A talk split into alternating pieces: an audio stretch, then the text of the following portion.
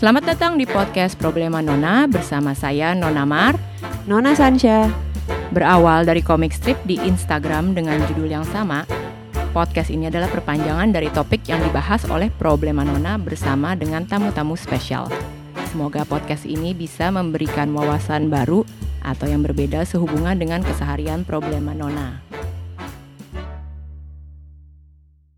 Selamat datang di podcast Problema Nona bersama saya Nona Mar dan Nona Sansha. Oke, udah hadir di sini bersama kita Sheila Ruswita Putri. Dia adalah Hai. seorang komikus ilustrator ya, slash ilustrator. Betul. Yang kayaknya udah pasti karyanya udah sering kamu lihat deh. Salah satunya adalah novel grafis Keluarga Lalala ya. Iya. Eh, mungkin dari Shilanya bisa cerita aja sendiri langsung tentang keseharian, aktivitas eh, Sheila itu seperti apa. Oke, em, gue Sheila, gue selalu menggambar. Jadi memang dari dulu kerjaan gue selalu menggambar dan bikin komik. Jadi kayak eh, kalau sehari-hari sih selain ngurusin dua anak, gue selalu nyempetin untuk selesaiin proyek-proyek gue dan sebagian besar sih ilustrasi dan komik gitu. Sebelum ini nggak pernah ngantor atau apa gitu. Eh, dulu pernah di film. Dulu pernah jadi storyboard artist. Oh iya iya. ya kayak kayak tujuh tahun apa enam tahun gitu habis itu jadi fokus ke komik Hmm. gitu kalau ngantor ngantor beneran di kantor sih belum pernah ya paling ngajar Ya udah emang paling enak gambar-gambar aja sih di rumah. Jadi Di sebelum ngerjain eh, sebelum ngerjain keluarga Lalala ini sebelumnya juga eh, Sheila sering gambar ya, tapi untuk proyekan gitu.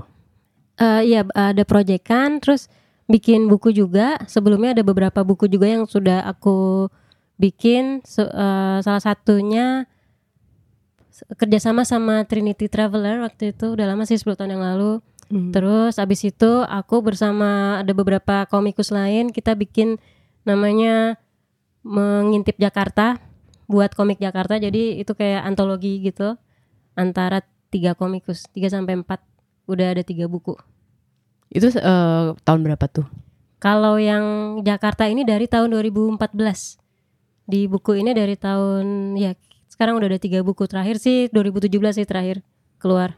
Oh makanya kemarin yang ini juga sempat diajak gambar yang buat MRT ya. Ya bikin itu proyekan MRT. Ya waktu itu jadi aku kan ada partner nih, jadi kita diundang untuk untuk em, bikin proyek tentang semacam buku SOP gitu tentang Hmm. standar prosedur MRT apa sih? Tapi kan eh, kayak begitu kan lebih enak disampaikan lewat visual.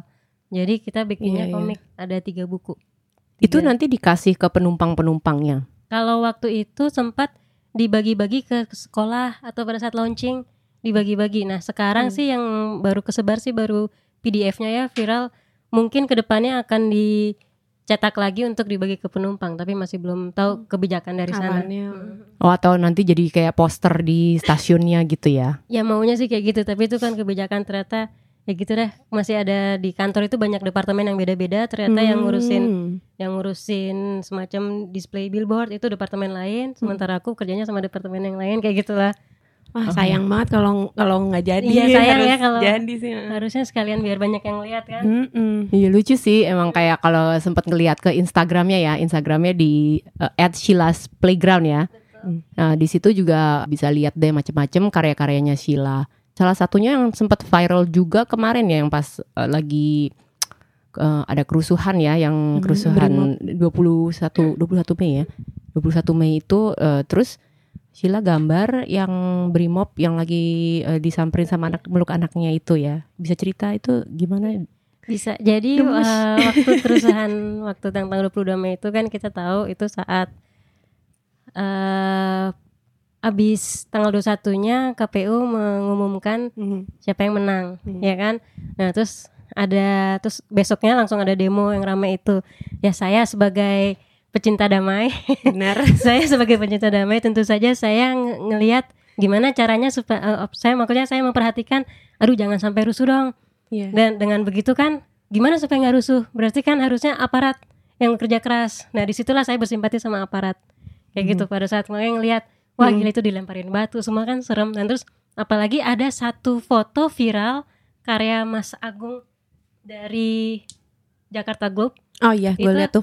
lucu banget fotonya ada pada saat malam-malam si aparat lagi istirahat sambil video call sama anaknya masih bayi. Iya. Nah itu tuh menyentuh banget. Jadi saya kayak sebenarnya aku lebih bikin tribute to that foto gitu. Hmm, hmm, hmm. Itu sampai viral tuh ya. Itu viral banget viral Di share semua orang. karena gue juga sempat ngeliat dan begitu tahu ah itu karyanya Sheila Iya. ternyata karena kan biasanya kalau kita. Iya biasanya kalau kita ngelihat gambar gitu suka ya itu suka agak tertinggal sih namanya siapa gitu karena Iya, kan iya. suka kecil banget di Iya, bawah. iya, viral banget.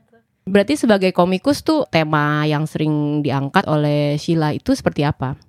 Aku sih suka memperhatikan yang terjadi di sekitar kita. Jadi lebih kayak eh, slice of life, lebih social culture yang terjadi pokoknya di sekitar kita aja. Saya sen senang senang observasi aja. Mhm. Apa pun yang terjadi khususnya di kota tempat aku tinggal Jakarta gitu. Tapi aslinya dari Jakarta, Jakarta ya juga. memang. iya. Eh, sekolahnya di ini ya di Tarkanita ya. Iya dulu sama. Tadi kita sempat ngomong dikit. Kayaknya lucu nih kalau di Tarki tuh kayak Bahas. ada beberapa ini gaya-gaya Tarki banget gitu dan yang ya ya yang tipikal banget gitu ini dari tarik ini. Dan Tarki Iya. juga sebenarnya ya kalau kita ada kenal beberapa orang Tarki tuh mereka kayak banyak banget yang kreatif banget gitu ya jebolannya. Bisa cerita juga kali ya, mungkin pengalamannya sekolah di eh, sekolah yang cewek semua gitu. Em, sekolah di sekolah Katolik cewek semua itu menarik banget dulu karena apa ya ya pas waktu SMP-nya kan aku SMP di PL SMP di PL tuh kan udah campur kan laki ah. perempuan. Nah terus begitu masuk Tarki yang cewek semua malah senang. Makanya senang antara oh gila berarti kita nyantai banget nih cewek semua. Kita nggak nggak perlu jaim. Nah, nggak perlu iya. jaim sesamanya karena ya perempuan semua dan dan yang senangnya eh kita jadi kayak share the same common interest. Hmm. maksudnya ya kalau ya itulah to empower us Kayak empowering each other every single day gitu ya.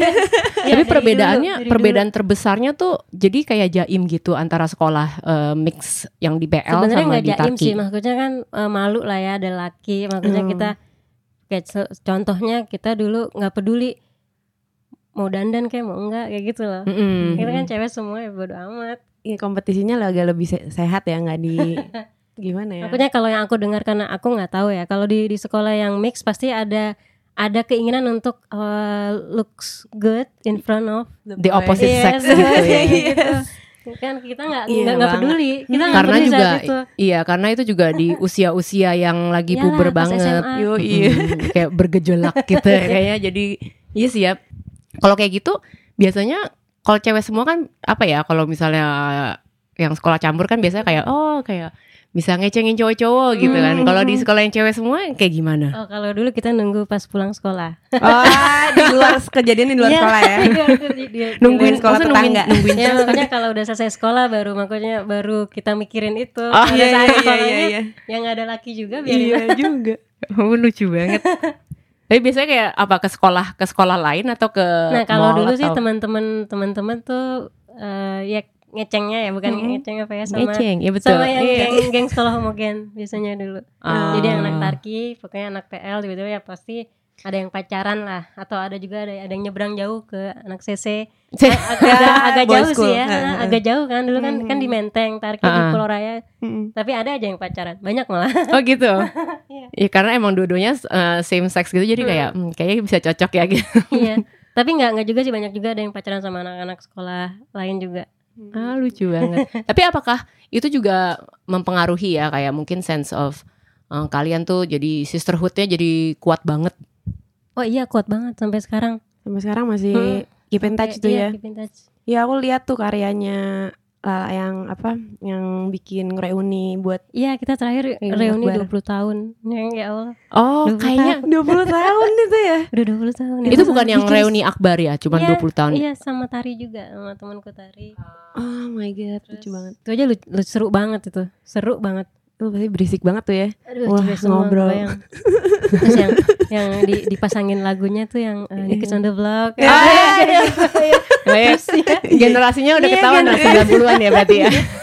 90s berat nih. yang nyanyi apa? Color Me Bad. Ya Yo, ya ampun. Color Me Bad. Boys to men gitu ya Ah, kan. lucu banget. Anaknya sekarang eh, dua-duanya cewek atau Anakku laki eh, laki dan cewek. Hmm. Eh, Yang yang besar laki, yang kecil perempuan. masuk ke Tarki. yang ininya Tarki yang yang ceweknya. Enggak, enggak. Soalnya ya kayak dulu kan dulu entah gimana walaupun jauh dari rumah tapi tetap tetap bisa di apa ya double lah kita ja- di distance-nya. Hmm. Heeh. Sekarang tuh kayaknya kan udah nggak mungkin macet banget apalagi Iya, gue benar, sebagai orang tua gue nggak mau deh nganterin jauh-jauh. Ih bener itu nomor satu sih hal yang gue Jadi pikirin yang kalau deket-deket rumah aja. iya kan Ah, oke oke oke.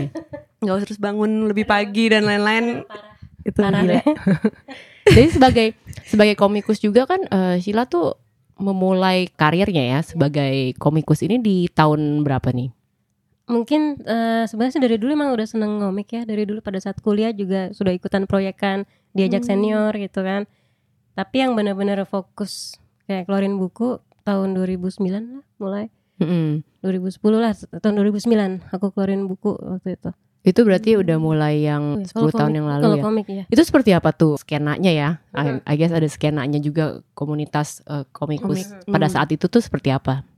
Udah mulai oke sih maksudnya eh, wa- pada waktu itu kan kita terhubung dengan adanya multiply ingat gak sih multiply? Iya, multiply, iya, ingat, ingat, tahu. ingat Nah, banget. Di situ komikus-komikus makanya yang di situ kan lebih instan ya kita bisa Hmm. dapat eh, instan respon juga, bisa instan upload juga, langsung Benar. kita instan sharing pada saat itu. Mhm. Jadi itu sih yang bikin eh, industri skenanya jadi naik lagi gitu. Menurut aku sih dari sejak adanya instan sharing itu. Jadi ada yang lihat, wah gila komik lo keren nih, oke dibukuin yuk kayak gitu. Nah, jadi ketemu teman-temannya gitu Betul, ya dan ketemu juga di ba- Hmm. ba- apa, sering bikin kayak ngumpul-ngumpul komunitas gitu.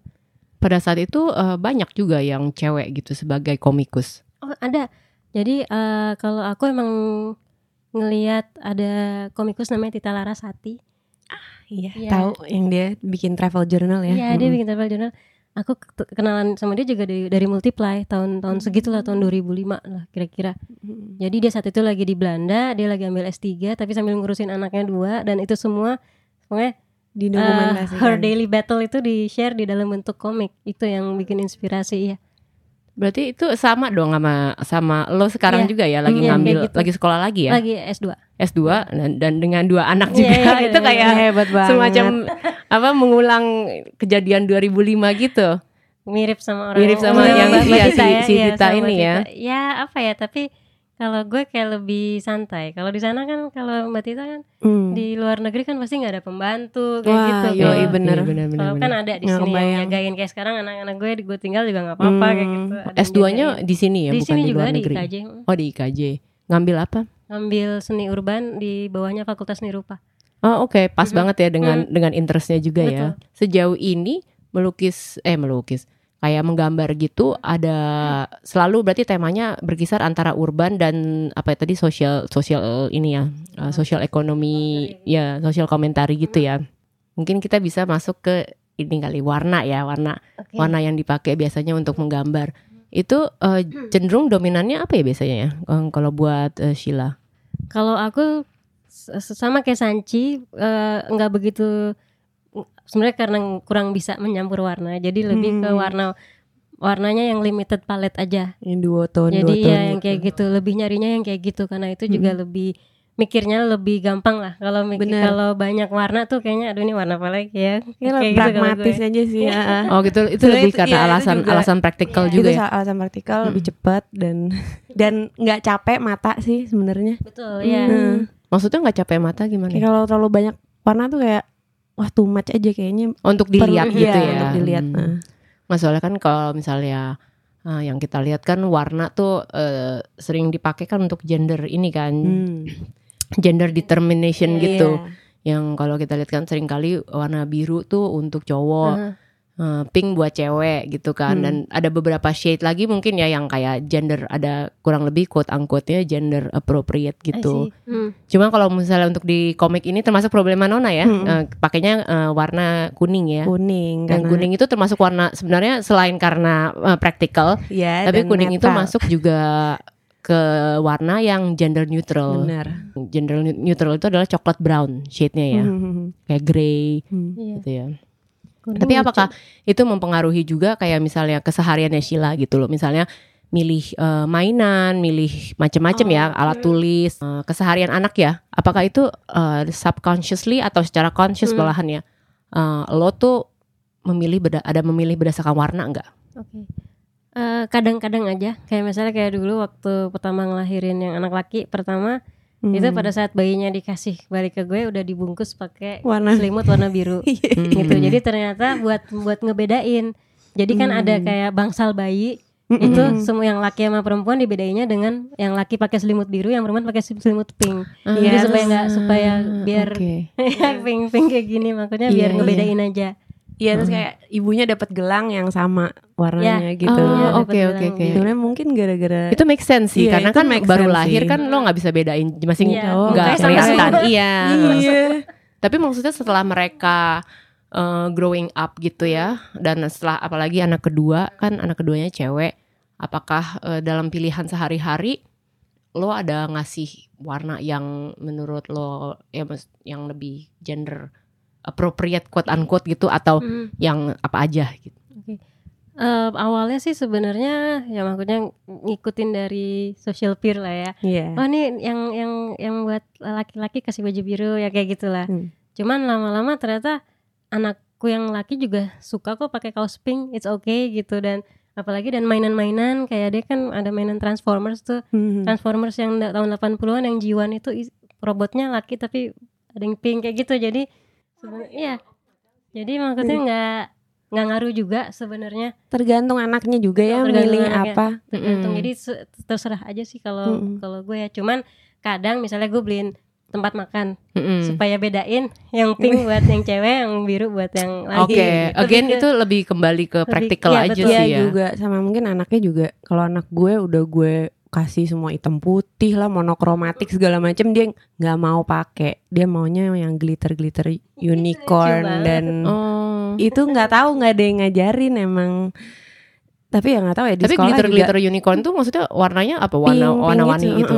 Oh. pink pink ungu gitu tapi dia nggak tahu mungkin belajar di sekolah atau antar teman atau gurunya mungkin nggak nggak sengaja ngasih tahu kalau itu girls toys or boys toys gitu. Dan Ada aku- kemungkinan juga Mm-mm. kan. Oh. Terus anak gue pulang-pulang "Ah, aku nggak mau main sama main itu gitu itu kan boys for boys gitu Mm, mm, itu mm. juga gue juga bingung tuh dia Hmm. itu ide itu dari mana ya Ya kalau misalnya Mm-mm. itu bukan dari lo berarti kemungkinan besar itu emang dari sekolah kali ya. Kayaknya Tuh, sih dari sekolah Kalian sendiri kali ya berdua kan sebagai eh, sebagai ibu nggak apa-apa ya misalnya anaknya mau main yang anak yang laki pengen main Barbie gitu.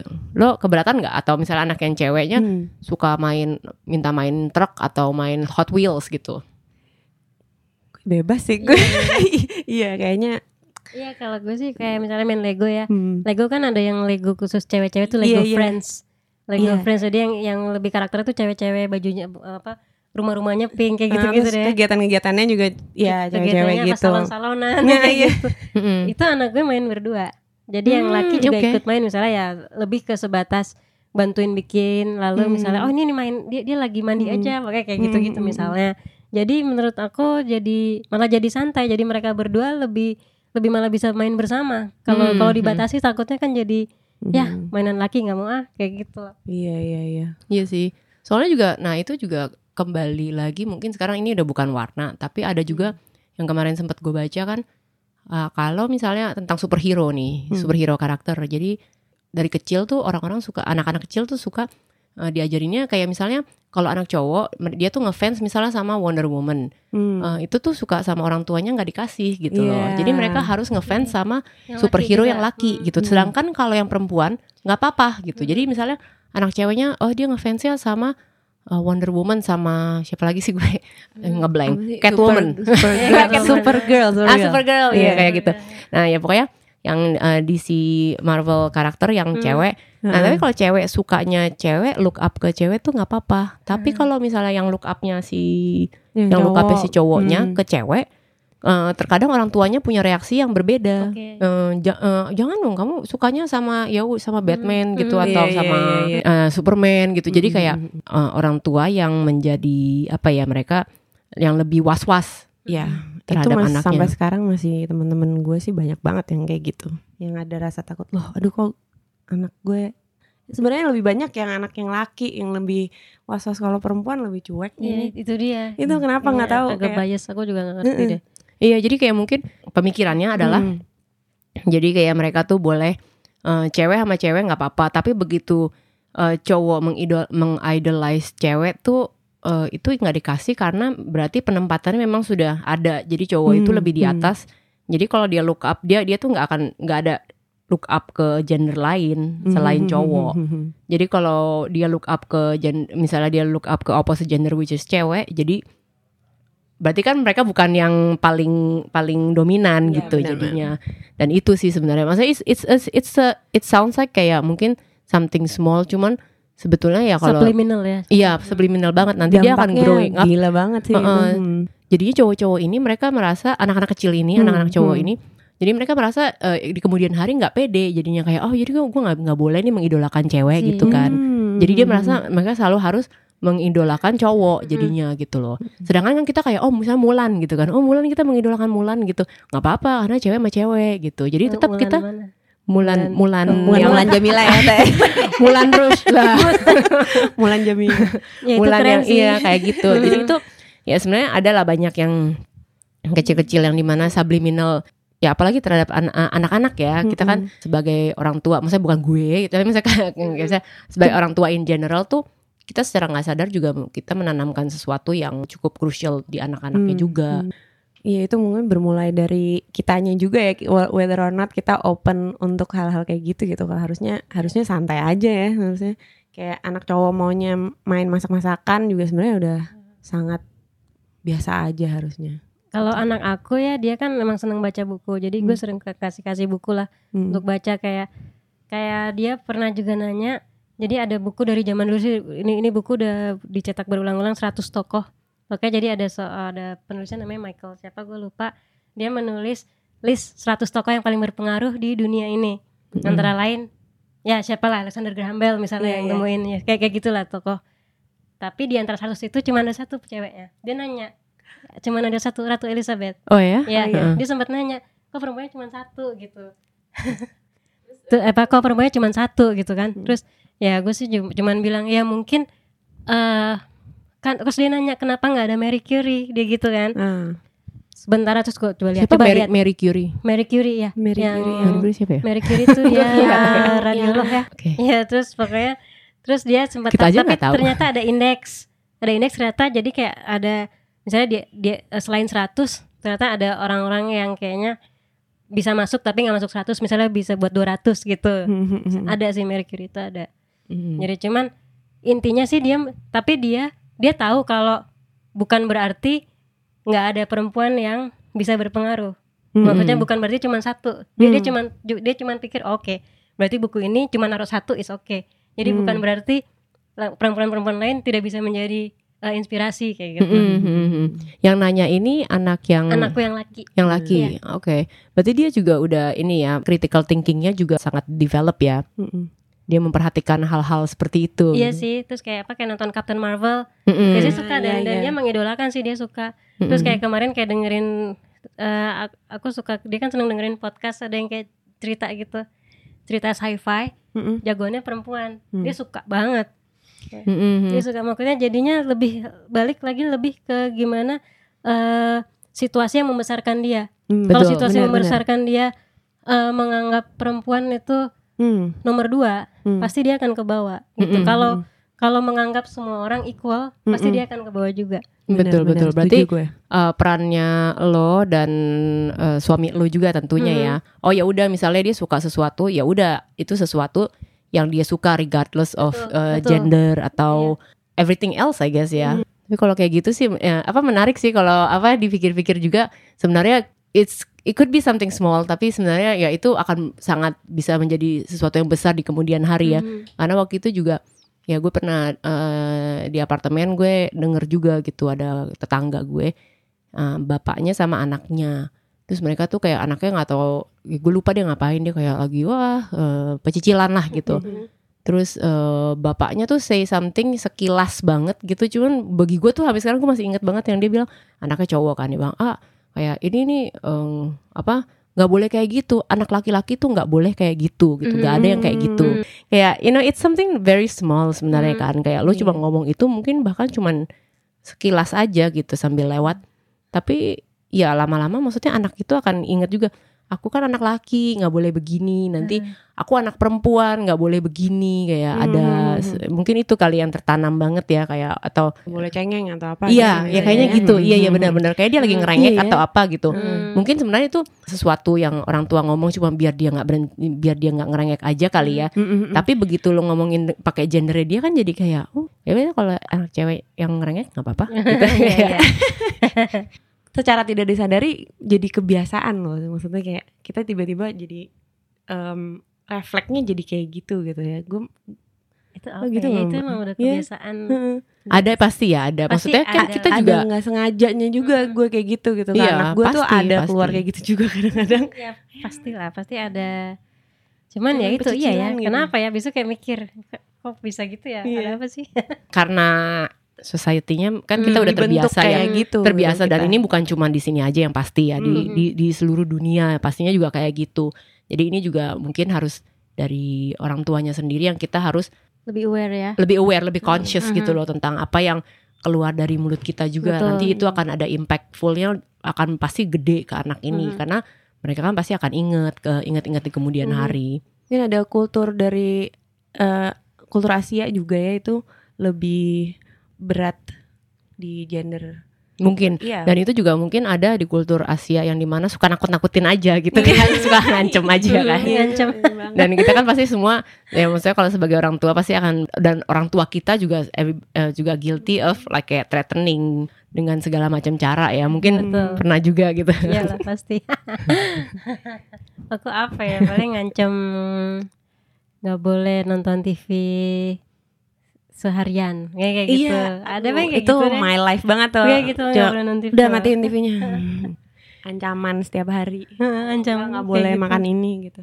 tadi juga berangkat juga gitu ngancem ngancem dulu ngancem bilangnya apa eh nggak nggak eh, aku, aku pergi nggak boleh nonton TV ya gitu kan terus tapi suka aku ini maksudnya aku, eh, kalian boleh ngapain tapi nanti aku akan ngeliat habis baca buku apa habis gambar apa. Makanya jadi mereka do something gitu loh. Ah, itu Hmm. ide bagus juga ya. Baca buku tuh. baca buku. Jadi suka aku tanya udah buku baca buku apa? Baca ini ceritanya apa? Kayak gitu cerita Hmm, ntar kayak di mereka. tes gitu ya. Ah, lucu. Cerita. Mereka senang malah. Di book report gitu nggak? Iya yang yang kayak malah eh, eh, questions dong.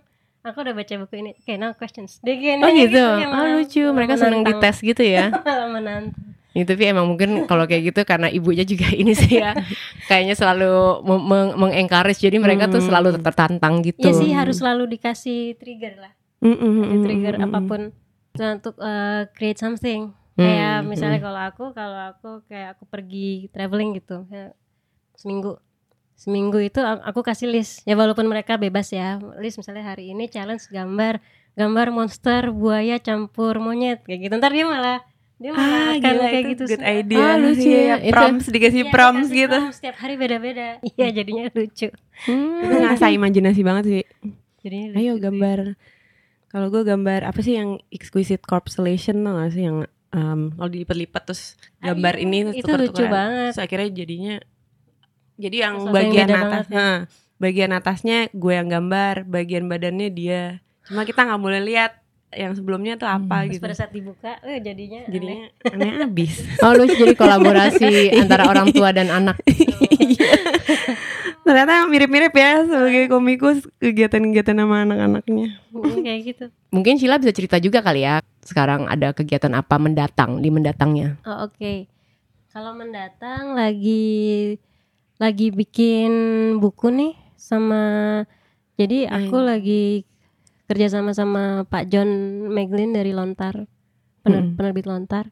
Jadi Pak John itu dia orang Amerika yang sudah tinggal di sini 43 tahun. Jadi dia mau Oh ya.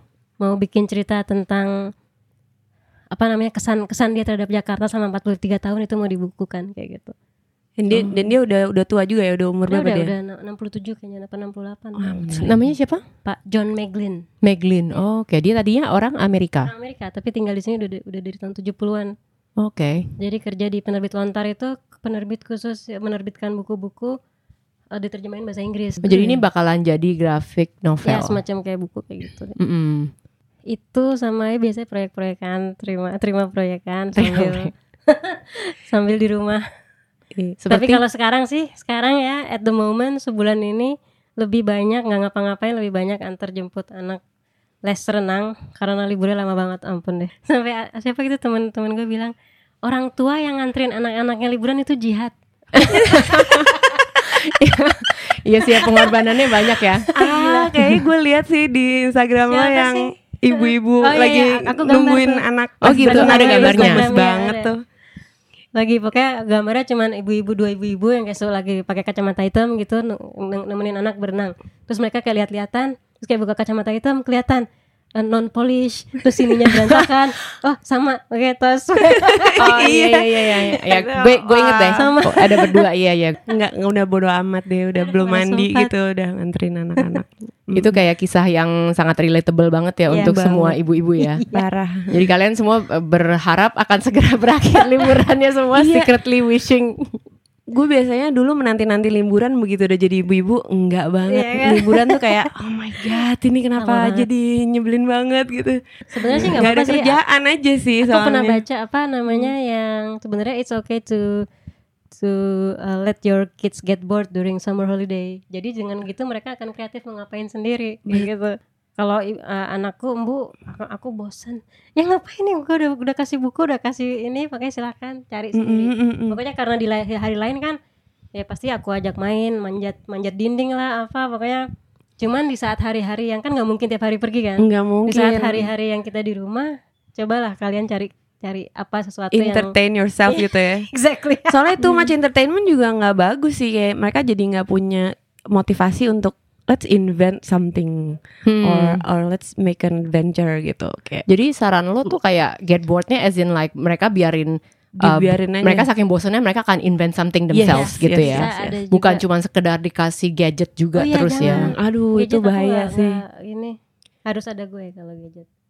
ngapain sih nggak telepon mulu matanya rusak loh kayak gitu. Cemen banget ya, ancamannya gitu doang. Udah udah nggak bisa mikir. Nanti kamu ini ditangkap satpam loh. Atau Iya, banget jangan teriak-teriak. Satpam. Padahal kasihan ya satpam salah apa. Iya, gitu. kasihan. jadi takut sama satpam padahal Iya. nggak kenapa-napa. Oke, berarti kita sudah sampai di akhir dari podcast ini. Hmm. Sila tuh Oke. apakah ada pesan-pesan juga, pesan-pesan untuk para pendengar podcast Problema Nona? Mungkin buat ya ya buat kita ibu-ibu seperjuangan nih. Hmm. Pokoknya ya, ya apa yang kita lakukan pasti akan berbekas di anak kita. Jadi eh, remember monkey sees monkey do, ya kan? Yes, betul, betul banget. Jadi intinya ya kalau kita nyebarin kebaikan pastinya anak-anak kita juga akan ikut menyerap itu juga. Ya, betul Amin. banget. Amin, amin banget. Terima kasih banyak banget buat Sheila, buat produser Ima Primastiwi. Dan Nona Sancia. dan Nona Sanca, editor Ken Jenny, tentunya para pendengar podcast Problema Nona. Jangan lupa untuk follow Instagram Problema titik Nona untuk komik strip komik strip seputar kehidupan nona-nona di Indonesia dan juga jangan lupa follow at Sheila's Playground untuk eh, melihat karya-karya Sheila lebih jauh. Terima kasih semuanya dan sampai ketemu lagi di episode berikutnya. ya Bye. Bye.